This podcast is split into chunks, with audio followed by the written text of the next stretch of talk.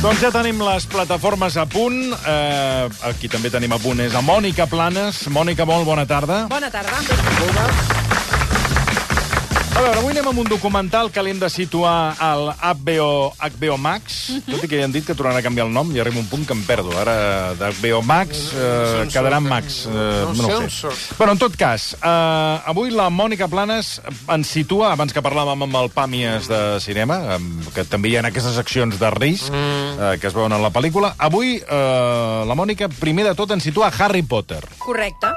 Les, estaven rodant la primera part de les relíquies de la mort, em sembla que es diu la pel·lícula. No sé, perquè hi ha tantes parts Sí. del Harry Potter que És- jo ja m'he És una de les últimes, les, la, la primera part de les relíquies de la mort estaven Sí, sí, la- rodant la- això. esa- L'has vist? Has vist el, el, el, alguna de les parts de Harry Potter? Ocho mil veces por la verja.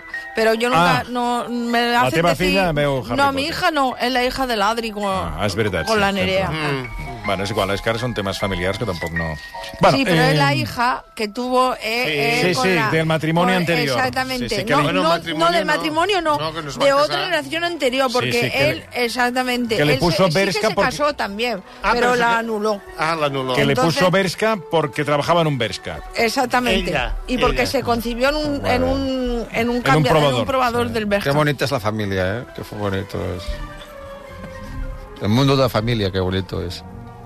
Bé, a veure si podem avançar. Estem parlant de, del que dèiem Harry Potter Sí, i d'aquest documental. El documental es diu David Holmes, el chico que sobrevivió. David Holmes és aquest doble d'acció de Harry Potter. Doble, eh? Per la cosa va de do, dels dobles. Exacte, és la història tràgica d'aquest noi que feia d'acció de, de doble d'acció del Daniel Radcliffe.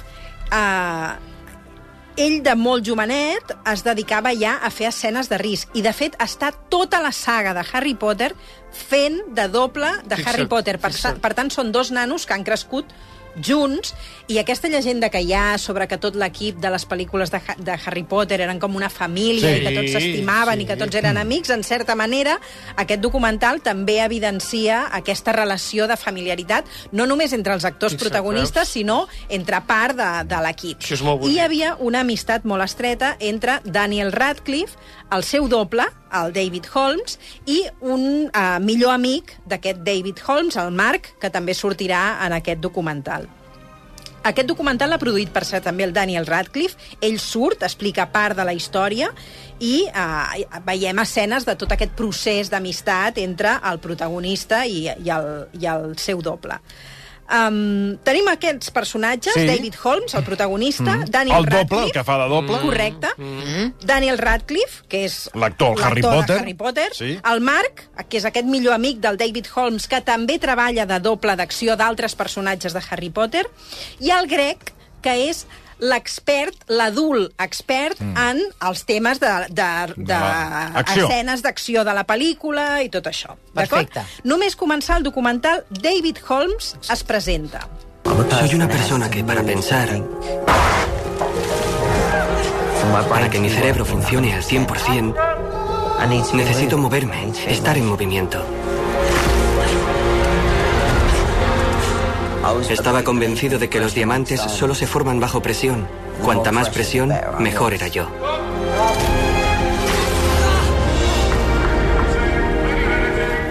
Y, sinceramente, no pasaba tanto miedo. Solo se vive cuando estás a punto de morir. Veiem que és un personatge, que és una persona que des de ben petit El doble, eh? El doble. El doble, el David Holmes, el protagonista d'aquest documental, ja era de molt petit un nano molt mogut, eh, que necessitava constantment energia i, a, i de, després, quan va creixent d'adolescent, és un nano que sempre li agrada anar al límit de totes les circumstàncies. Ara explica eh, el per què ha decidit eh, fer aquest documental i sortir i explicar la seva història. Nunca he contado mi historia. Nunca he querido hacerlo. Harry Potter es importante para mucha gente y nadie sabe lo que me pasó. Mi vida ha sido una locura, llena de altibajos. He experimentado todas las emociones humanas. Pero creo que es mejor que cuente mi historia, porque si no, nadie lo hará. Veieu que hi ha aquesta música èpica de Sí, fons, sí. hi ha alguns moments que la música ajuda a que la èpica del personatge doncs, creixi. Uh, la mare del David Holmes surt en el documental parlant dels seus fills des de que eren petits i aquesta dona va decidir, que aquest nano té un germà, i va decidir apuntar-los tots dos a gimnàstica esportiva mm. perquè es cansessin, perquè el Ah. matrimoni anava com Per molt esgotat, desestressar-los. Per Sí, desestressar-los, sí. Perquè això, no sí. donaven a l'abast de tant eh, trapelles, entremaliats i tanta energia que tenien aquesta criatura. Els apunta a gimnàstica esportiva, el que fa el Gervasi de Fer, diguem, Sí. i eren molt bons fent això. Val? Gimnàstica. Era, gimnàstica.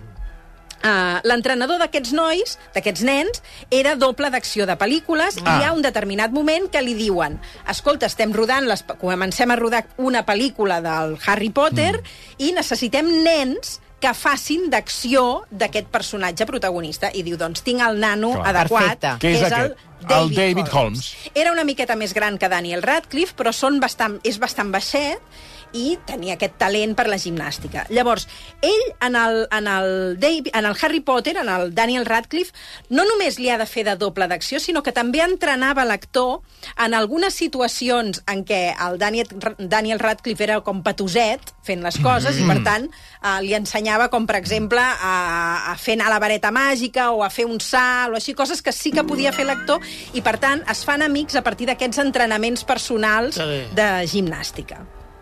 Uh, amb 18 anys, per tant, tenim a David Holmes amb una molt bona feina, fent de doble d'acció, guanyant molts diners, i, per tant, uh, diguem que arriba a l'edat adulta més content que un gínjol. Como adulto joven, yo podía disfrutar mucho más.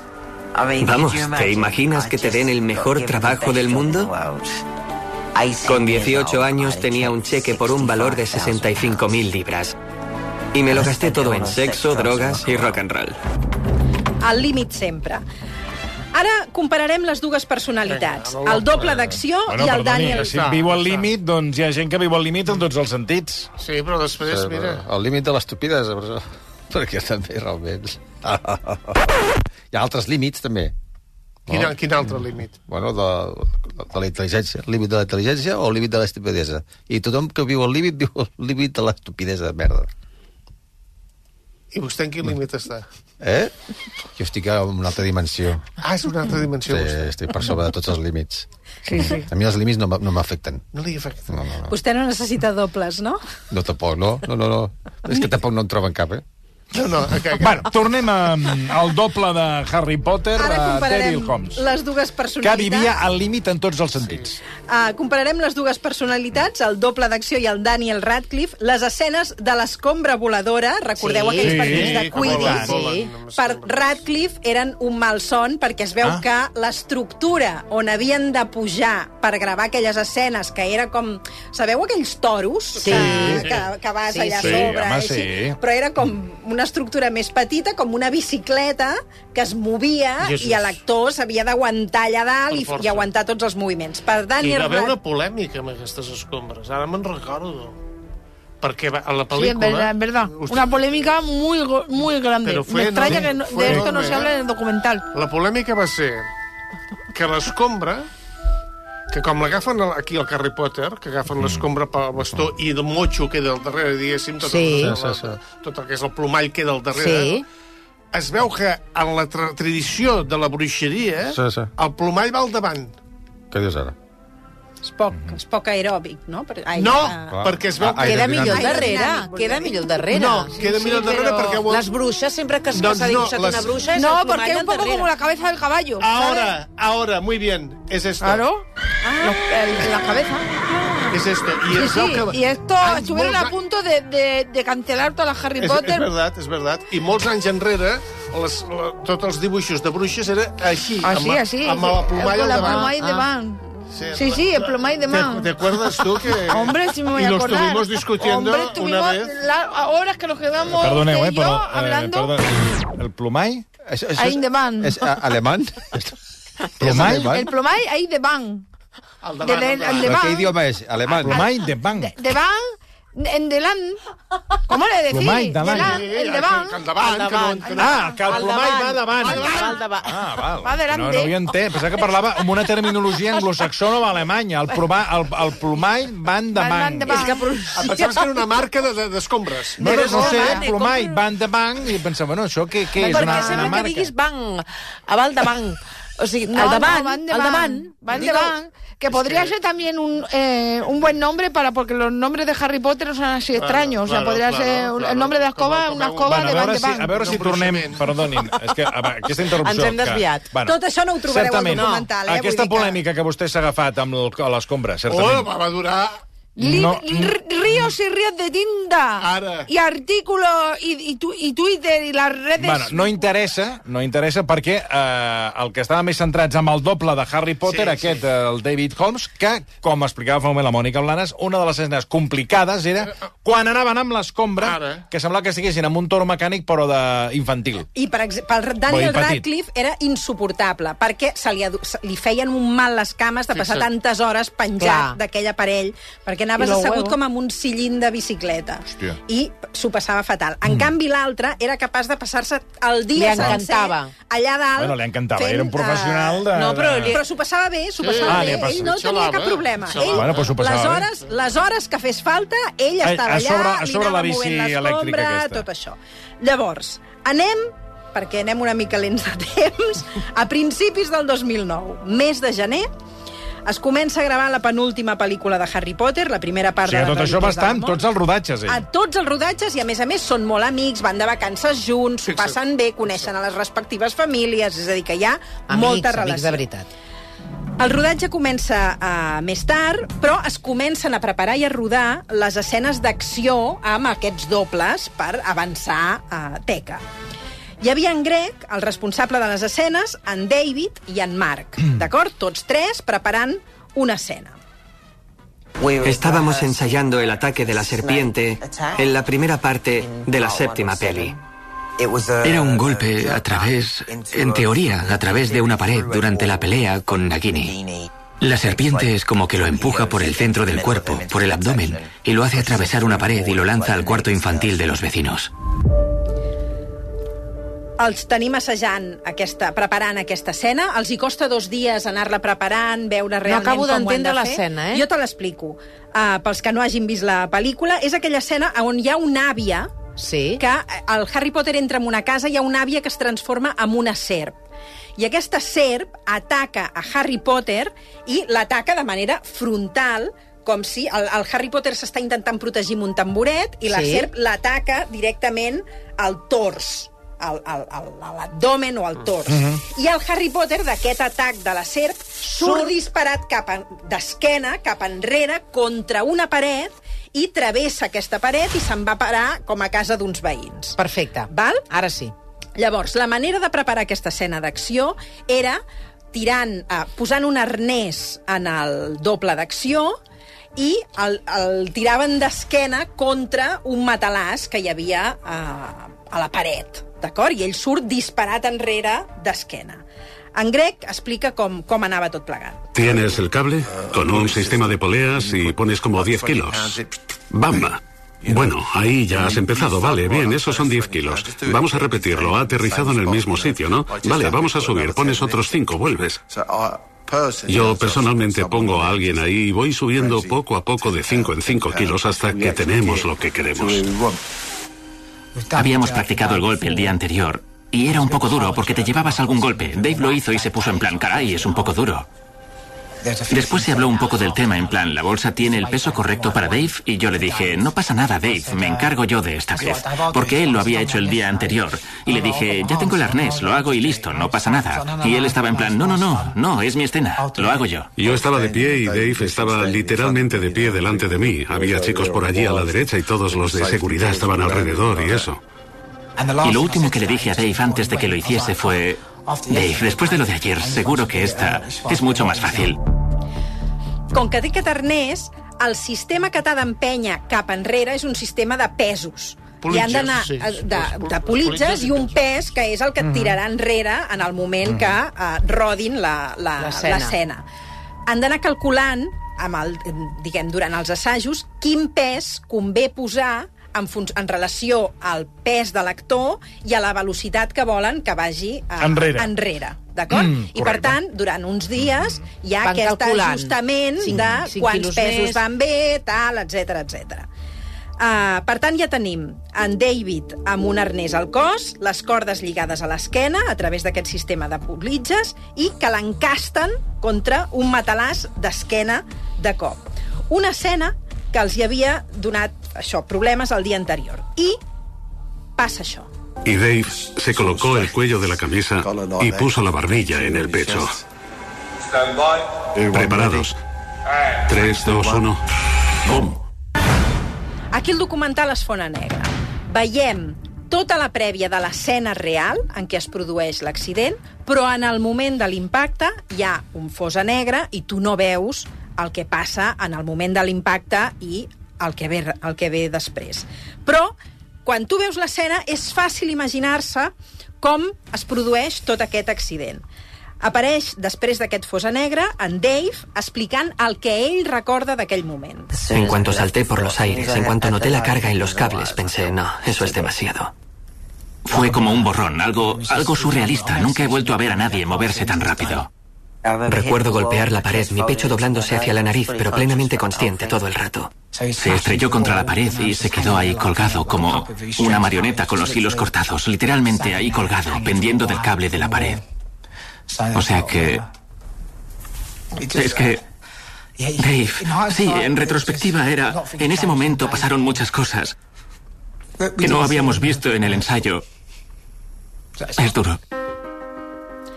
Hi havia massa pes a l'estructura, van cometre aquest error, Amb, de amb tal manera... aquesta definició que fa ell del moment, Sí. eh, és molt gràfic. Molt gràfic, eh, t'imagines. T'ho imagines, el nas tocant, el, o sigui, el pit al nas. Pit, eh? exacte. Es, Es, va doblega d'aquesta força de les Sí, sí, sí. cordes que té just lligades a l'esquena i eh, la velocitat excessiva amb la que impacta contra aquest matalàs, encara que sigui un matalàs, li provoca una torsió del, del cos eh, molt bèstia.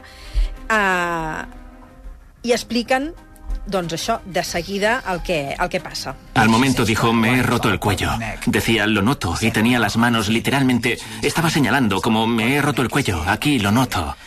Entonces, sí, lo bajamos a la colchoneta y recuerdo que Greg le pellizcaba fuerte la pierna con ganas y le decía, ¿notas eso, Dave? Y él decía, ¿el qué? Fue... Recuerdo... Recuerdo que fue horrible. El porten de seguida a l'hospital, l'operen i rep el diagnòstic, tot i que ell té claríssim què li ha passat des del primer moment. Le explicaron que era una lesión bastante grave. Había que operar, porque en aquel momento podría haber sido mortal. Me desperté justo después de la operación y tenía a todos mis seres queridos alrededor.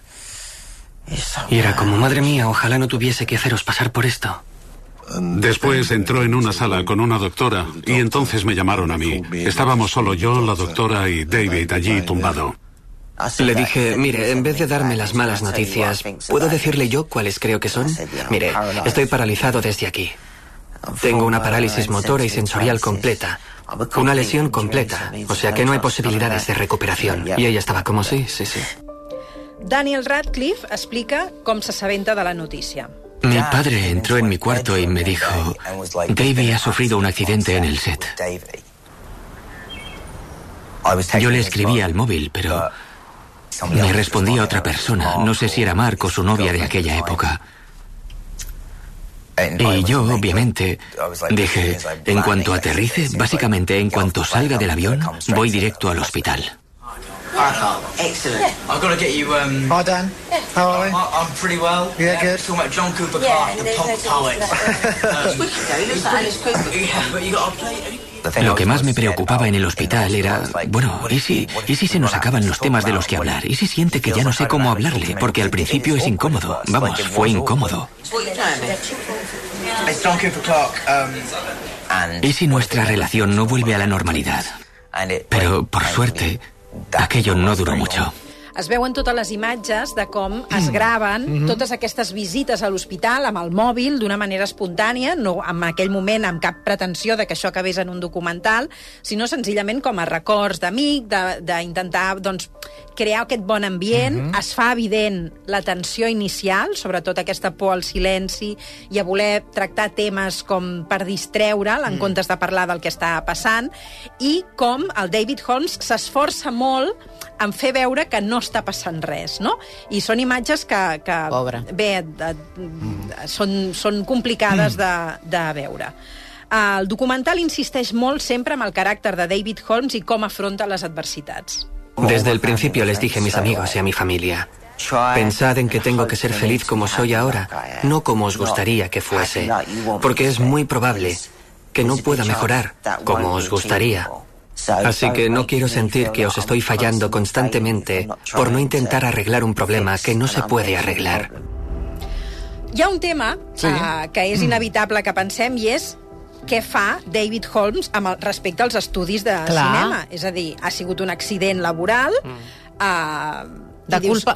Qui va tenir la culpa Qui en té la allò? culpa? Uh, el grec se sent altament culpable del que va passar. De fet, ell és el responsable directe. Una altra qüestió és quina persona s'encarregava en aquell moment de posar les peses, etc. És a dir, que hi ha tanta gent treballant en una mateixa... Però el, el David Holmes explica que ell no té ganes de remoure culpables i diu, ja s'ha destrossat la meva vida, jo no vull ara destrossar la d'una altra persona, però us he de dir, uh, quan estàs veient el documental, intueixes que més enllà del que li diuen els estudis, i és tenim una assegurança i no et faltarà mai de res, també interpretes que en algun moment, li, li, com si hi hagués hagut el pacte, i això és una opinió, no una informació, de no et faltarà mai de res si no ens demandes. És a dir, mm. no anem a judici i garantim que tot el que tu puguis necessitar Ho tindràs. Ho tindràs. Mm. Per què? Perquè quan tu veus aquest documental sobre el David Holmes on viu, els recursos que té van més enllà del que acostuma a pagar una assegurança i tu veus que, eh, diguem que els recursos que té per cuidar-lo eh, són eh, Molt elevats. màxims, i, màxims molt elevats i a més a més es pot permetre, eh, diguem, eh, viatges, eh, és a dir, fa, porta una vida on ell intenta doncs, eh, portar una vida normal malgrat les seves circumstàncies i això molts cops implica doncs, avi avions privats, per exemple, no? Mhm. És a dir, que per tant hi ha una despesa econòmica molt important. Tot i que paral·lelament veiem que sempre és la sanitat pública britànica qui atén a David Holmes. Sempre, en tots els casos. Però ell té un cuidador tot el dia, té cuidadors eh, i persones que el tracten a casa seva, mm, diguem, mm -hmm. diàriament. Um, continuem. Què passa? Uh, van passant els anys... No, perdoneu, encara no. Uh, passa dos mesos mm. i mig a l'hospital Sí. i quan falta una setmana per tornar a casa, fa com una regressió. És a dir, comencen a haver-hi problemes i detecten que hi ha, diguem que, problemes postoperatoris. Pero una semana antes de salir del hospital, empecé a tener síntomas neurológicos. Cada vez me costaba más usar los brazos y me dolía mucho cuando pasaba de estar sentado a estar tumbado. Me hicieron una resonancia magnética y resulta que soy una de las pocas personas que desarrolla siringomielia directamente después de la operación. Bueno, ocurre en el 1% de las lesiones espinales o algo así. Es como tener un quiste en la médula espinal. Tuvieron que operarme porque si no me moría. Me habría impedido respirar, habría impedido que mis brazos funcionasen y con el tiempo me habría impedido tragar y luego respirar. La operación duró 11 horas. Después volví a la casilla de salida para recuperarme de la operación, así que me pasé otros dos meses y medio en el hospital. I aquí en David entra en una, en una dinàmica de múltiples operacions perquè aquest problema que se li desenvolupa persistirà al llarg de la seva vida, continua passant i, per tant, requereix de noves operacions perquè aquesta complicació degenera la capacitat, eh, diguem, neuronal que té fins Mhm. ara. Per tant, va, se li van paralitzant més els braços, etc. Uh, per tant, el documental va com uh, fent-se una mica més tràgic i uh, més angoixant respecte a tota la problemàtica i totes les operacions que vas veient que està passant el David Holmes i que, a més a més, ell explica a través de les xarxes socials. Aquí anem veient també en el documental com afecta l'accident de David Holmes en tot el rodatge de la pel·lícula mm -hmm. i com afecta, per exemple, al Mark, que és el seu, el seu millor amic, que continua fent de doble d'acció a la pel·lícula i, a més a més, el substitueix. El David Holmes li demana que ho faci ell, quan ell el que volia unes setmanes abans era passar a treballar en una altra pel·lícula, i ell ho fa pel seu amic. Però resulta molt traumàtic per ell assumir la feina que tenia el seu mm. millor amic en aquell moment. I, de cop, quan ho explica, tots els altres li diuen ostres, doncs els altres no n'érem conscients d'això. I diu, bueno, ningú, ningú eh, em va preguntar res, no? I explica com de malament s'ho va passar en el, en el rodatge. I això justament coincideix amb un Daniel Radcliffe que en alguns moments s'insinua com que estava una mica fart de, de fer de Harry Potter. Ja. Que ja estava mm. fins al gorro de les pel·lícules. Que ja volia canviar de, que ja de paper. estava una mica fart d'haver crescut amb el personatge, de ser pràcticament ell, el Harry Potter, i com aquest accident li fa replantejar la manera com ha d'afrontar la seva vida a partir d'ara. Y luego, a nivel personal, definitivamente hubo una especie de época en la que no sabía qué era lo que me importaba. En ese momento todavía no tenía muy claro cómo iba a ser mi vida después de Harry Potter. Había participado en un proyecto de forma muy constante y de repente aquello desapareció y no tardé mucho en sumirme en una especie de caída libre. Era algo que había hablado con Dave, que fue, como siempre, como una buena estrella guía en todo ese proceso. Me dijo, no voy a permitir que desperdicies la oportunidad que tienes. Y ver a alguien a quien se había privado de su carrera involuntariamente me hizo darme cuenta de que no puedes conformarte y decir, sí, claro, seguiré en esta industria eternamente. Porque ese día sirvió como punto de comparación constante para inconscientemente saber al menos lo aleatorio y fugaz que puede ser todo. Passen els anys, passen els mesos i David Holmes va a pitjor. Después del accidente creíamos que la cosa no podía ir a peor. Vamos, que ya le había pasado lo peor que le podía pasar y que a partir de ahí se estabilizaría y tendríamos que aprender a vivir así. Pero no, es como dice él, es una bola de nieve que no para de aumentar. El 2019 passa per unes operacions duríssimes, després arriba la pandèmia, de tot això se'n restableix, però si voleu veure com continua el procés i com és aquesta relació de David Holmes amb Daniel Radcliffe, doncs ja ho sabeu. David Holmes, el chico que sobrevivió, a HBO Max, dura una hora i 26 minuts el documental. I ara el Radcliffe què fa? Perquè, clar, està com... Ara t'ho miro. No sé, vull dir que després de Harry Potter, no, algunes pel·lícules ha rodat, no? Sí, sí. Eh, però, però ha quedat una molt... mica encasellat, sí. amb el... Bueno, encara, el que sí que mm, m'ha agradat és la seva reflexió, no? Que a partir del que ha passat al, al David, ell veu les coses... De, en fi, a partir d'aquell moment se les va plantejar d'una manera molt, molt diferent. Uh, bueno, mentre busquem les pel·lis del Eh? Vaig buscant. Sí, bueno. Les últimes notícies que hi ha sobre ell és el, el canvi físico de Home, Daniel Radcliffe, o la nòvia, que s'ha posat o... catxes, o, ha fet gimnàs i dents. està fortíssim. Sí, sí, això segur. Mònica Planes, moltíssimes gràcies. A vosaltres.